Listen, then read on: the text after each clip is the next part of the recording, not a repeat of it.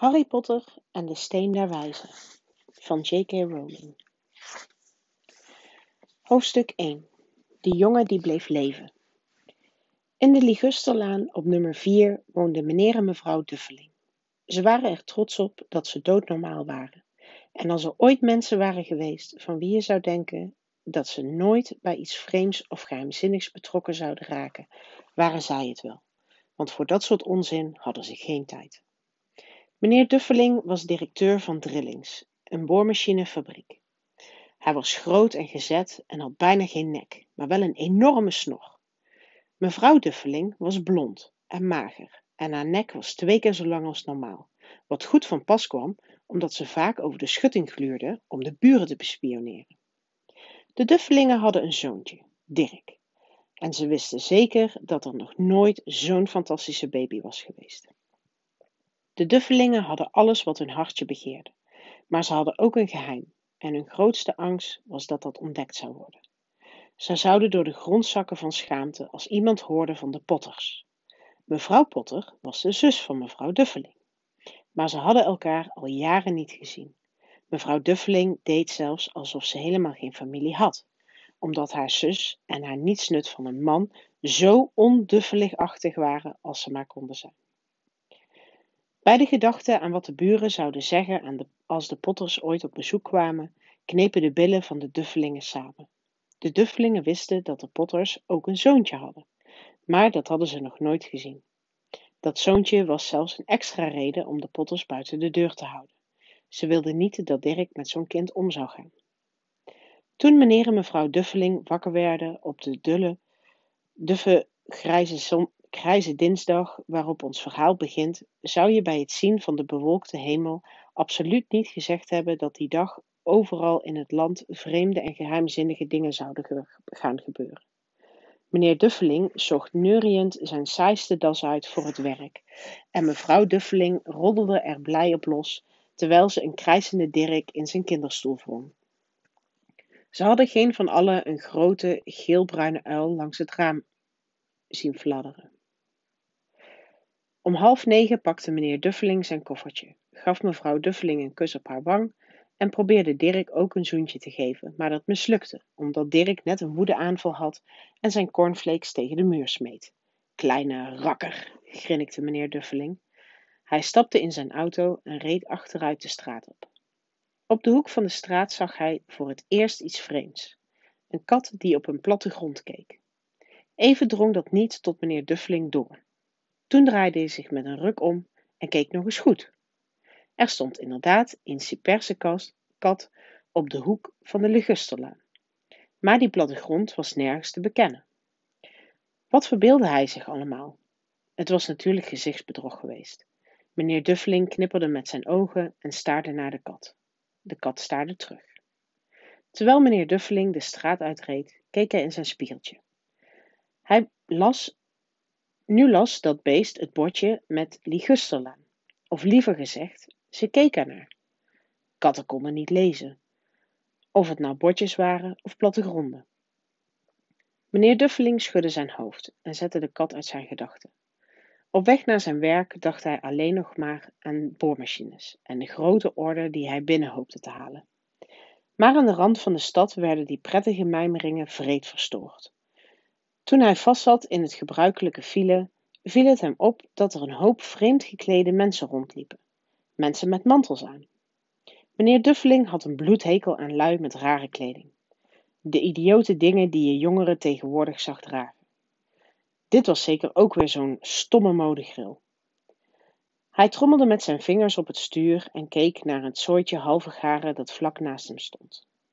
Ze fluisterde opgewonden en meneer Duffeling merkte tot zijn woede dat een paar helemaal niet zo jong waren. Die man daar, met die smaragdgroene mantel, die was zeker ouder dan hij. Je moest maar durven. Plotseling besefte meneer Duffeling echter dat het natuurlijk een of andere idiote stunt was. Waarschijnlijk zamelde ze geld in voor een goed doel. Ja, dat moest het zijn. Het verkeer begon weer te rijden en een paar minuten later parkeerde meneer Duffeling op het terrein van Drillings, met alleen nog boormachines aan zijn hoofd. Meneer Duffelings kantoor was op de negende verdieping en hij zat altijd met zijn rug naar het raam. Als hij dat niet had gedaan, had het hem misschien meer moeite gekost om zich op boormachines te concentreren. Hij zag de uilen die op klaarlichte dag overvlogen niet, maar de mensen op straat wel. Ze wezen en staarden met open mond omhoog, terwijl de ene uil met na de andere overscheerde. De meesten hadden zelfs 's nachts nog nooit een uil gezien. Meneer Duffeling had een doodnormale, uilloze ochtend. Hij kafferde vijf verschillende mensen uit, pleegde diverse belangrijke telefoontjes en gaf nog een paar mensen de wind van voren. Hij was in een opperbest humeur, tot hij smiddags op het idee kwam om even de benen te strekken en iets lekkers te kopen bij de bakker aan de overkant. Hij had helemaal niet meer aan de mensen met hun rare mantels gedacht, tot hij er een paar bij de bakker zag staan. In het voorbijgaan staarde hij hen nijdig aan, want ze maakten hem zenuwachtig, al wist hij niet goed waarom. Ook dit groepje fluisterde opgewonden en hij zag niet één collectebus. Toen hij hen op de terugweg opnieuw passeerde met een zakje met een grote donut in zijn hand, ving hij een paar woorden op van hun gesprek. De Potters, ja, ik heb het ook gehoord. Ja, hun zoon Harry. Meneer Duffeling bleef stokstijf staan. Bleek van angst keek hij achterom naar de fluisteraars, alsof hij iets wilde zeggen, maar hij bedacht zich. Hij stak haastig de weg over, rende de trap op naar zijn kantoor, snauwde tegen zijn secretaresse dat hij niet gestoord wilde worden, greep de telefoon en had bijna zijn eigen nummer gedraaid toen hij zich opnieuw bedacht. Hij legde de horen weer op de haak, draaide aan zijn snor en bedacht: nee. Hij haalde zich dingen in zijn hoofd. Potter was tenslotte geen ongebruikelijke naam. Je had vast hordepotters met een zoontje dat Harry heette. Nu hij er goed over nadacht, wist hij niet eens zeker of de naam van zijn neefje wel Harry was. Hij had die blaag slop van rekening nog nooit gezien. Misschien heette hij wel Hans of Harold. Het had geen zin om mevrouw Duffeling van streek te maken. Ze werd altijd zo snibbig als hij iets over haar zus zei. Niet dat hij dat haar kwalijk nam. Als hij zo'n zus had gehad. Maar toch, die mensen met die mantels. Het kostte hem die middag veel meer moeite om zich op boormachines te concentreren en toen hij om vijf uur naar huis ging, was hij nog steeds zo ongerust dat hij bij de uitgang pardoes tegen iemand opbotste. Sorry, gromde hij, toen het piepkleine mannetje struikelde en bijna viel. Het duurde even voor het tot meneer Duffeling doordrong dat het mannetje een lila mantel droeg. Hij was kennelijk helemaal niet boos dat hij bijna van zijn sokken was gelopen. Integendeel, hij glimlachte breed en zei met zo'n raar piepstemmetje dat diverse voorbijgangers hem aanstaarden. U hoeft zich niet te verontschuldigen, waarde heer. Vandaag kan niets mij kwaad maken. Wees blij, want wie weet wel is verdwenen. Zelfs de als u zouden deze blije, blije dag moeten vieren. Het mannetje sloeg zijn armen om meneer Duffelings middel, omhelsde hem stevig en liep door.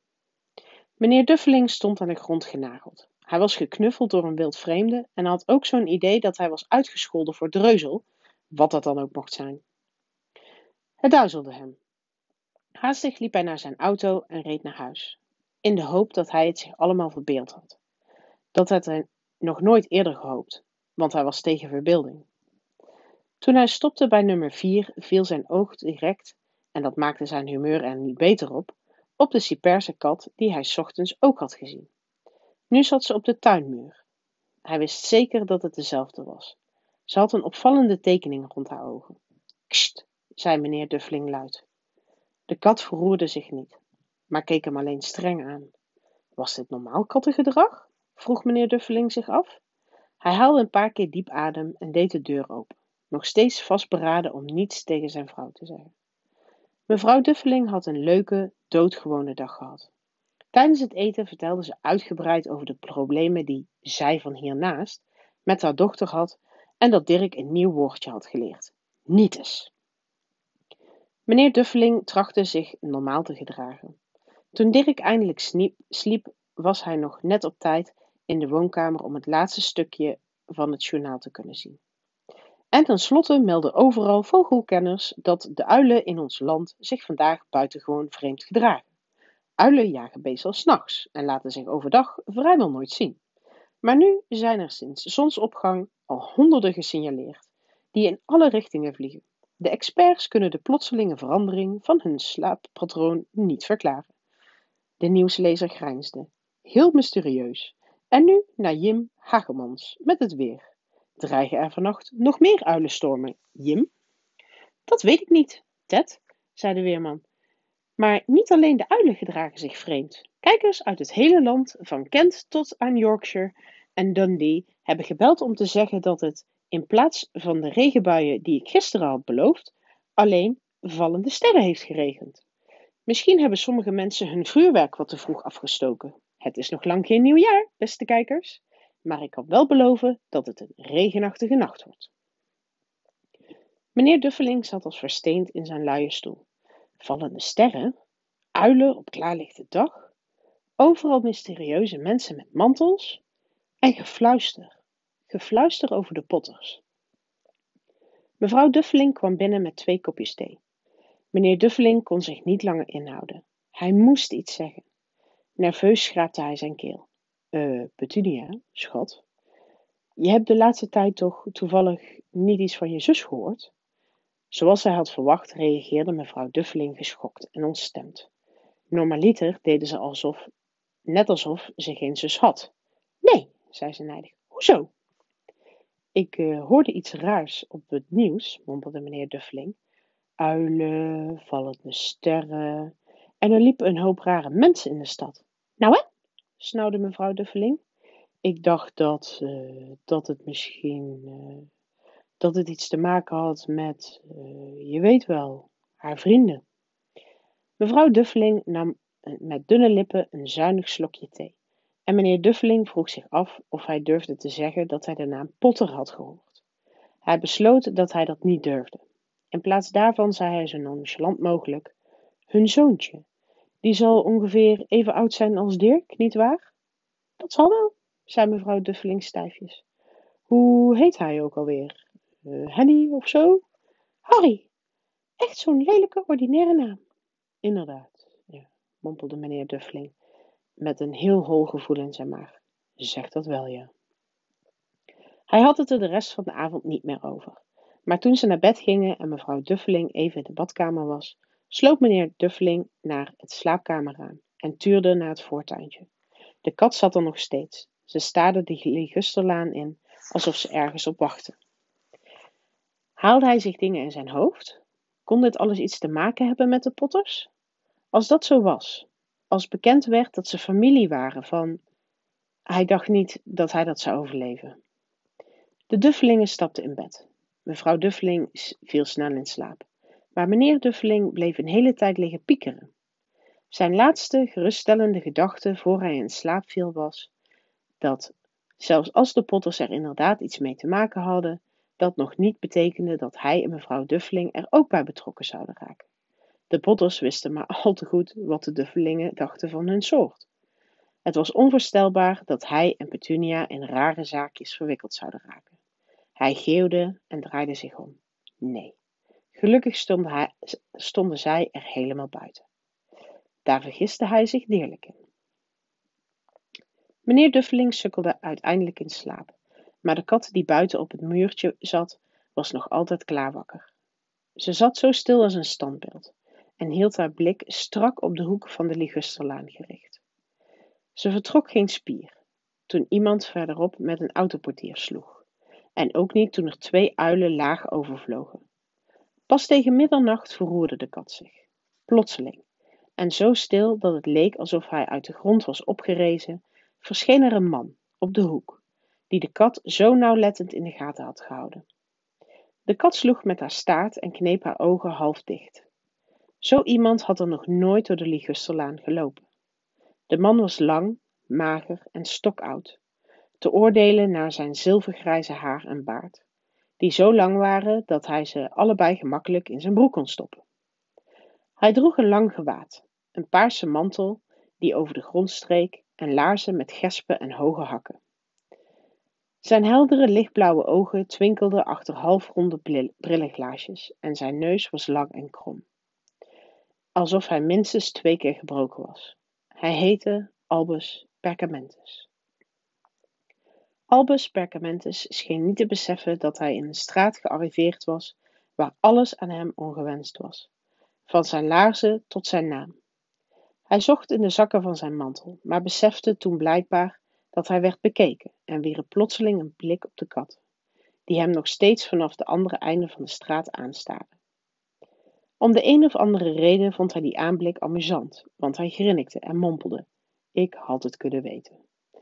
In een binnenzak zo vond hij wat hij zocht: iets wat op een zilveren aansteker leek. Hij knipte het open, hield het omhoog en klikte ermee. De dichtstbijzijnde straatlantaarn ging met een zacht, ploppend geluidje uit. Hij klikte opnieuw en een tweede lantaarn flakkerde en werd donker. Hij klikte twaalf keer met de uitsteker, tot de enige lichtjes twee piepkleine gloeiende puntjes waren, de ogen van de kat die hem aanstaarde. Zelfs als mevrouw Duffeling nu uit het raam had gekeken, zouden haar kraaloogjes niet hebben kunnen zien wat er zich op het trottoir afspeelde. Perkamentus deed de uitsteker weer in zijn zak, liep naar nummer vier en ging naast de kat op het tuinmuurtje zitten. Hij keek niet naar het beest, maar zei na een paar tellen: Wat een toeval dat we elkaar hier treffen, professor Anderling. Hij keek de ciperse kat glimlachend aan, maar het dier was verdwenen. Hij glimlachte tegen een streng uitziende vrouw met een vierkante bril, die precies dezelfde vorm had als de donkere strepen rond de ogen van de kat. Ze droeg ook een mantel, een smaragdgroene. Haar zwarte, strak achterovergekamde haar zat in een knotje en ze leek nogal gepikeerd. Hoe wist u dat ik het was? vroeg ze. Mijn beste professor, ik heb nog nooit een kat zo stijfjes zien zitten. U zou ook stijf zijn als u de hele dag op een koude bakstenen muur had gezeten, zei mevrouw Anderling. De hele dag? Terwijl u ook feest had kunnen vieren. Op weg hierheen ben ik minstens tien feestjes gepasseerd. Mevrouw professor Anderling snoof nijdig. Ja, iedereen zet de bloemetjes buiten, zei ze ongeduldig. Je zou denken dat ze wat voorzichtiger zouden zijn, maar nee hoor. Zelfs de dreuzels merken dat er iets aan de hand is. Het was op hun journaal. Ongeduldig gebaarde ze met haar hoofd naar de donkere woonkamer van de Duffelingen. Ik heb het zelf gehoord. Zwermen uilen, vallende sterren. Ze zijn niet helemaal achterlijk, weet u. Zoiets moet opvallen. Vallende sterren in Kent. Ik wil wedden dat Didalus Diggle dat gedaan heeft. Die heeft nooit veel hersens gehad. Je kunt het ze niet kwalijk nemen, zei Perkamentus vergoeilijk. Ten slotte hebben we de afgelopen elf jaar bitter weinig te vieren gehad. Ik weet het, zei professor Anderling geïrriteerd, maar dat is nog geen reden om alle remmen los te gooien. Onze mensen zijn onverantwoordelijk bezig. Ze komen op klaarlichte dag op straat, dragen niet eens dreuzelkleding en roddelen er lustig op los. Ze keek Perkamentus vanuit haar ooghoeken aan, alsof ze hoopte dat hij haar iets zou vertellen, maar dat deed hij niet. En ze vervolgde: Het zou een mooie boel zijn als op de dag dat je weet wel eindelijk verdween, verdwenen schijnt te zijn, de dreuzels van ons bestaan horen. Hij is toch echt verdwenen, Perkamentus? Daar ziet het wel naar uit, zei Perkamentus.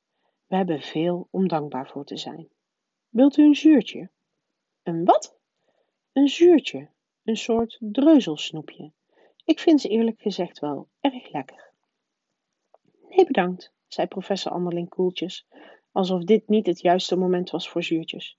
Zoals ik al zei, zelfs als je weet wel inderdaad is verdwenen. Mijn beste professor, zo'n verstandig iemand als u kan hem toch wel bij zijn naam noemen. Altijd maar dat onzinnige, je weet wel.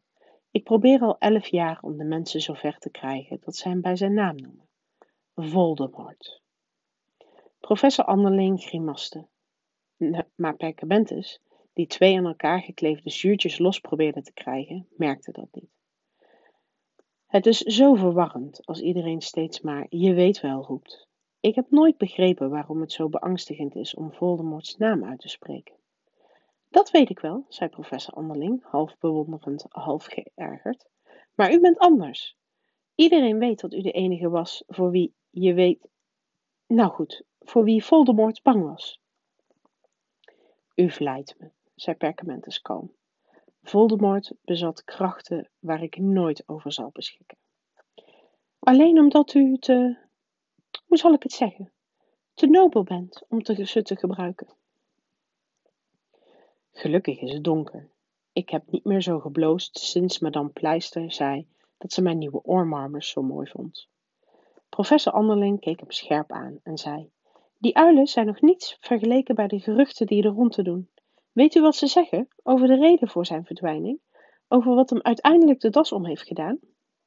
Blijkbaar had professor Anderling het onderwerp aangesneden dat ze werkelijk wilde bespreken. De ware reden waarom ze de hele dag op die koude, harde muur had zitten wachten. Want nog de kat, nog als vrouw, had ze Perkamentus zo doordringend aangestaard als ze nu deed. Het was duidelijk dat, wat iedereen ook zei, ze pas zou geloven als Perkamentus het bevestigde. Maar Perkamentus pulkte nog een zuurtje los en gaf geen antwoord. Ze zeggen, vervolgde ze, dat Voldemort gisteren plotseling in de halve maanstraat opdook, dat hij het op de Potters had gemunt.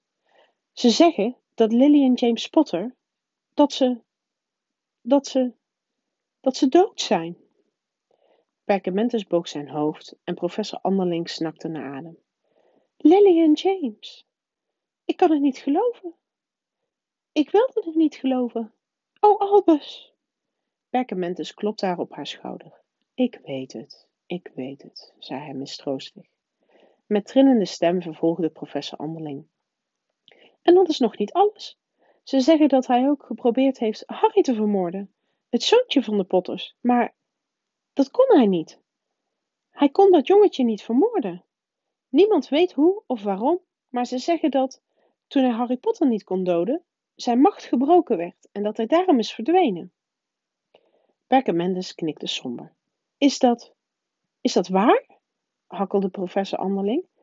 Na alles wat hij gedaan heeft, alle mensen die hij heeft vermoord, kon hij één klein jongetje niet aan? Het is gewoonweg verbijsterend. Dat uitgerekend. Maar hoe heeft Harry dat in hemelsnaam overleefd? Daar kunnen we alleen maar naar gissen, zei Perkamentus.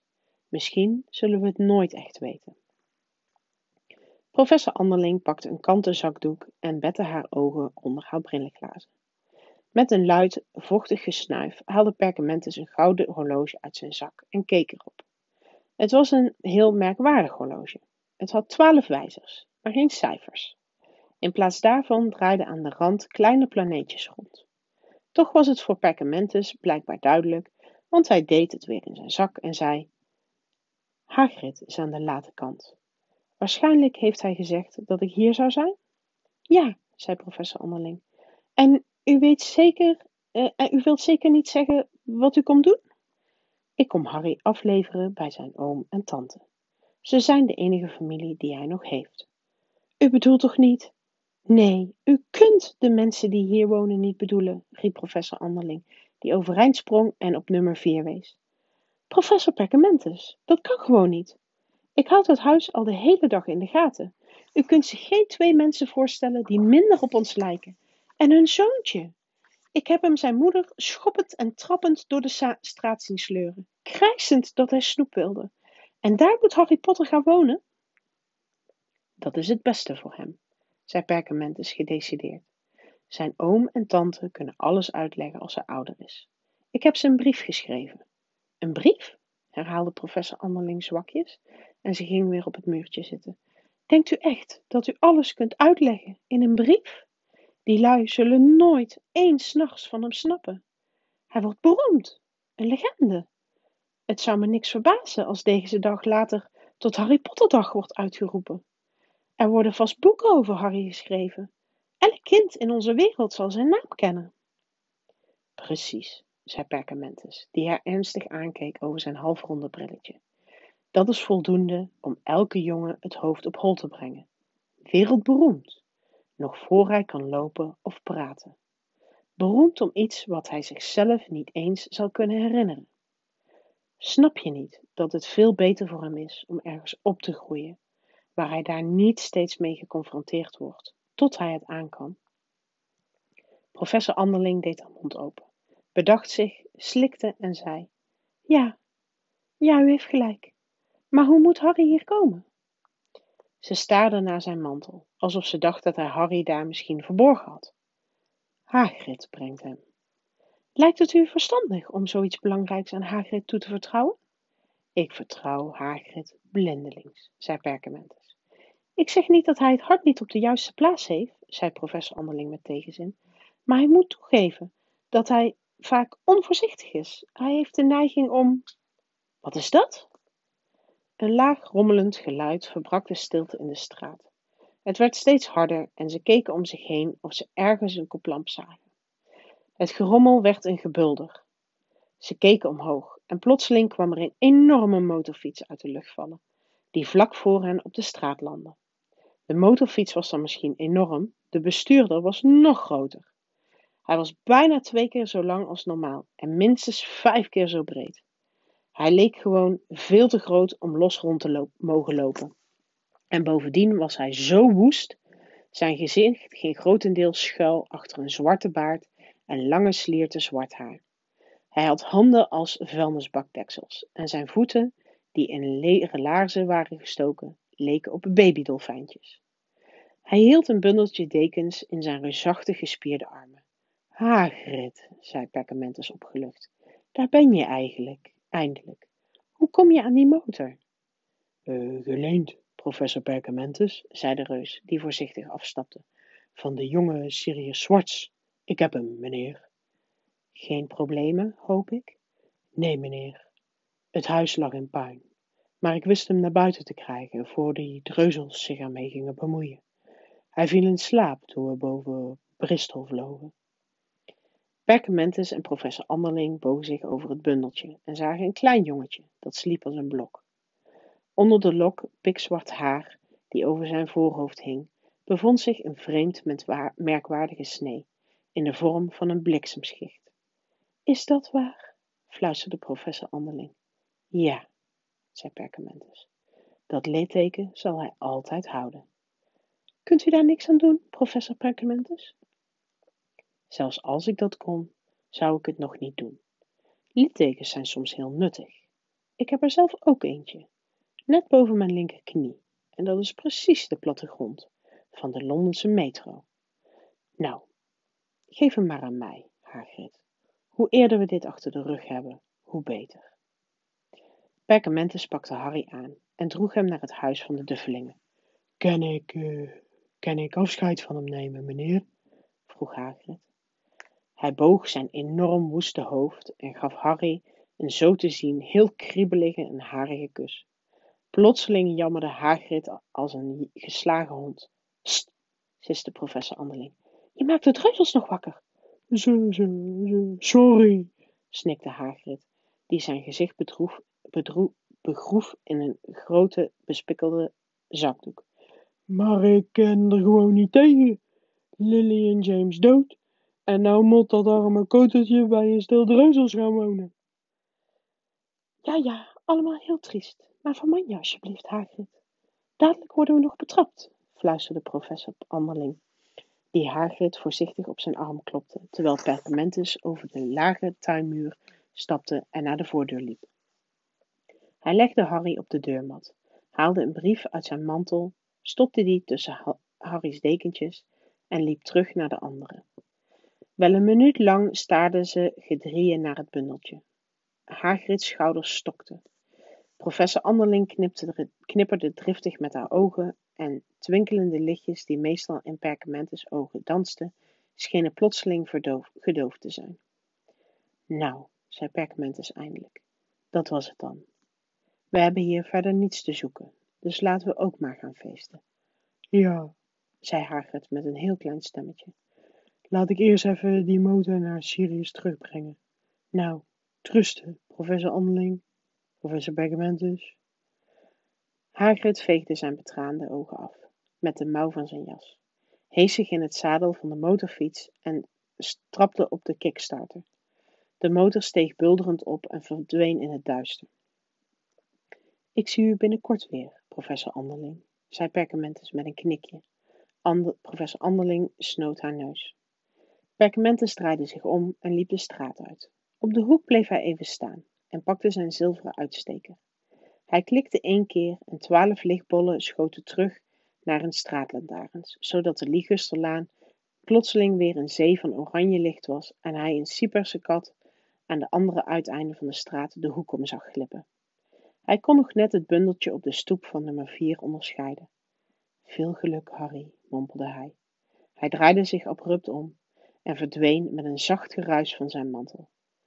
Een briesje ritselde in de keurige heggen van de Ligusterlaan, die stil en opgeruimd onder de inktzwarte hemel lag. Het was wel de allerlaatste straat waar je verbijsterende gebeurtenissen zou verwachten. Harry Potter draaide zich om in zijn dekentjes, maar werd niet wakker. Zijn kleine hand greep de brief beet en hij sliep verder, zonder te weten dat hij speciaal was. Zonder te weten dat hij beroemd was.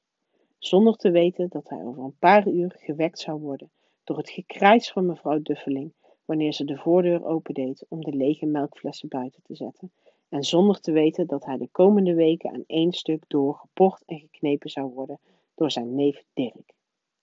Hij kon niet weten dat er op dat moment door het hele land overal mensen in het geheim bijeenkwamen, die hun glazen hieven en zacht en vol ontzag zeiden op Harry Potter, de jongen die bleef leven.